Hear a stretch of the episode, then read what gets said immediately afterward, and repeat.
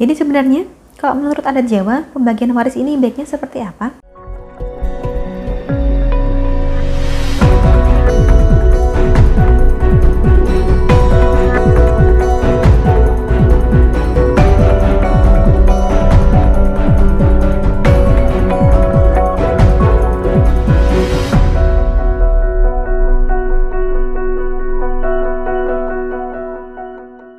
Salam Rahayu, kembali lagi dengan saya Dewi Sundari.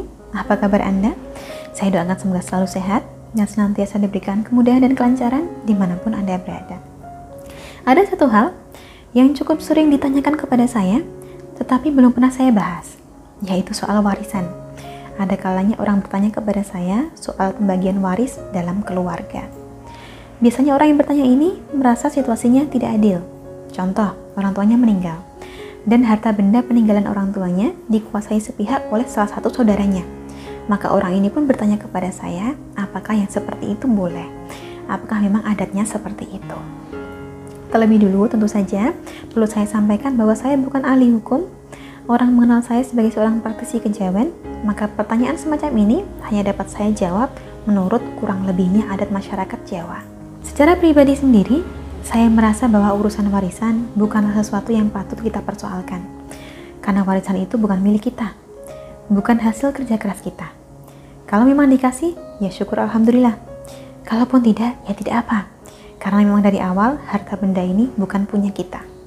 Misalnya pun, kita ada di posisi orang tua, kita punya harta benda yang nantinya bisa ditinggalkan, maka seharusnya kita punya hak mau memberikan harta benda ini kepada siapa kita berhak meninggalkan warisan ini kepada siapa pun yang kita mau, karena harta benda ini tadinya kita cari dengan keringat kita sendiri.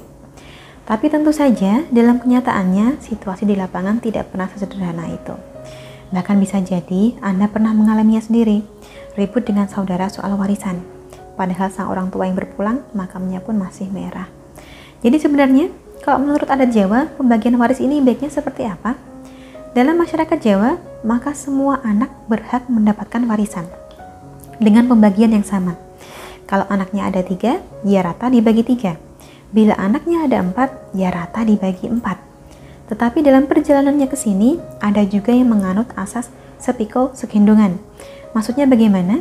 Maksudnya adalah anak laki-laki mendapatkan dua bagian, sedangkan anak perempuan mendapatkan satu bagian.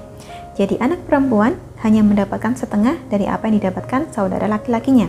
Kurang lebih seperti pembagian waris dalam hukum Islam seperti ini ada, tetapi biasanya bukan cara ini yang dipakai. Pada dasarnya, yang menjadi ahli waris utama adalah generasi berikutnya yang paling karib dengan pihak yang mewariskan. Pihak yang mewariskan ini contohnya adalah orang tua. Biasanya yang paling karib ini tentu saja adalah anak-anak yang dibesarkan dalam keluarga tersebut. Istilahnya adalah berayat alias keluarga satu atap, terutama anak kandung. Sedangkan untuk anak yang tidak tinggal bersama, maka tidak dianggap sebagai ahli waris utama. Namun ada juga masyarakat Jawa di mana anak angkat tetap mendapatkan warisan dari kedua orang tuanya, baik orang tua kandung atau orang tua angkat, terutama bila anak ini telah lama tinggal dan dirawat oleh orang tuanya tersebut. Lalu jika tidak ada anak bagaimana? Jika tidak ada anak, maka hak waris akan menjadi milik orang tua. Dan jika orang tuanya sudah tidak ada, barulah turun kepada saudara-saudara dari orang yang meninggalkan warisan ini. Kurang lebihnya, seperti itu. Belakangan ini, saya yakin Anda juga semakin sering menjumpai orang tua mulai membagikan harta benda peninggalannya dalam keadaan masih hidup. Karena memang untuk menghindari pertikaian yang terjadi bila nanti orang tuanya ini sudah tidak ada. Cara semacam ini saya rasa bisa menjadi solusi yang baik karena memang ada rasa tidak pantas jika kita kehilangan orang tua, tapi yang diributkan justru warisannya. Semoga tidak pernah terjadi pada Anda dan semoga apa pun perselisihan yang terjadi dalam keluarga dapat diselesaikan secara kekeluargaan juga. Kurang lebihnya demikian yang dapat saya sampaikan. Terima kasih banyak untuk Anda yang telah menyaksikan. Sampai jumpa di kesempatan selanjutnya dan salam rahayu.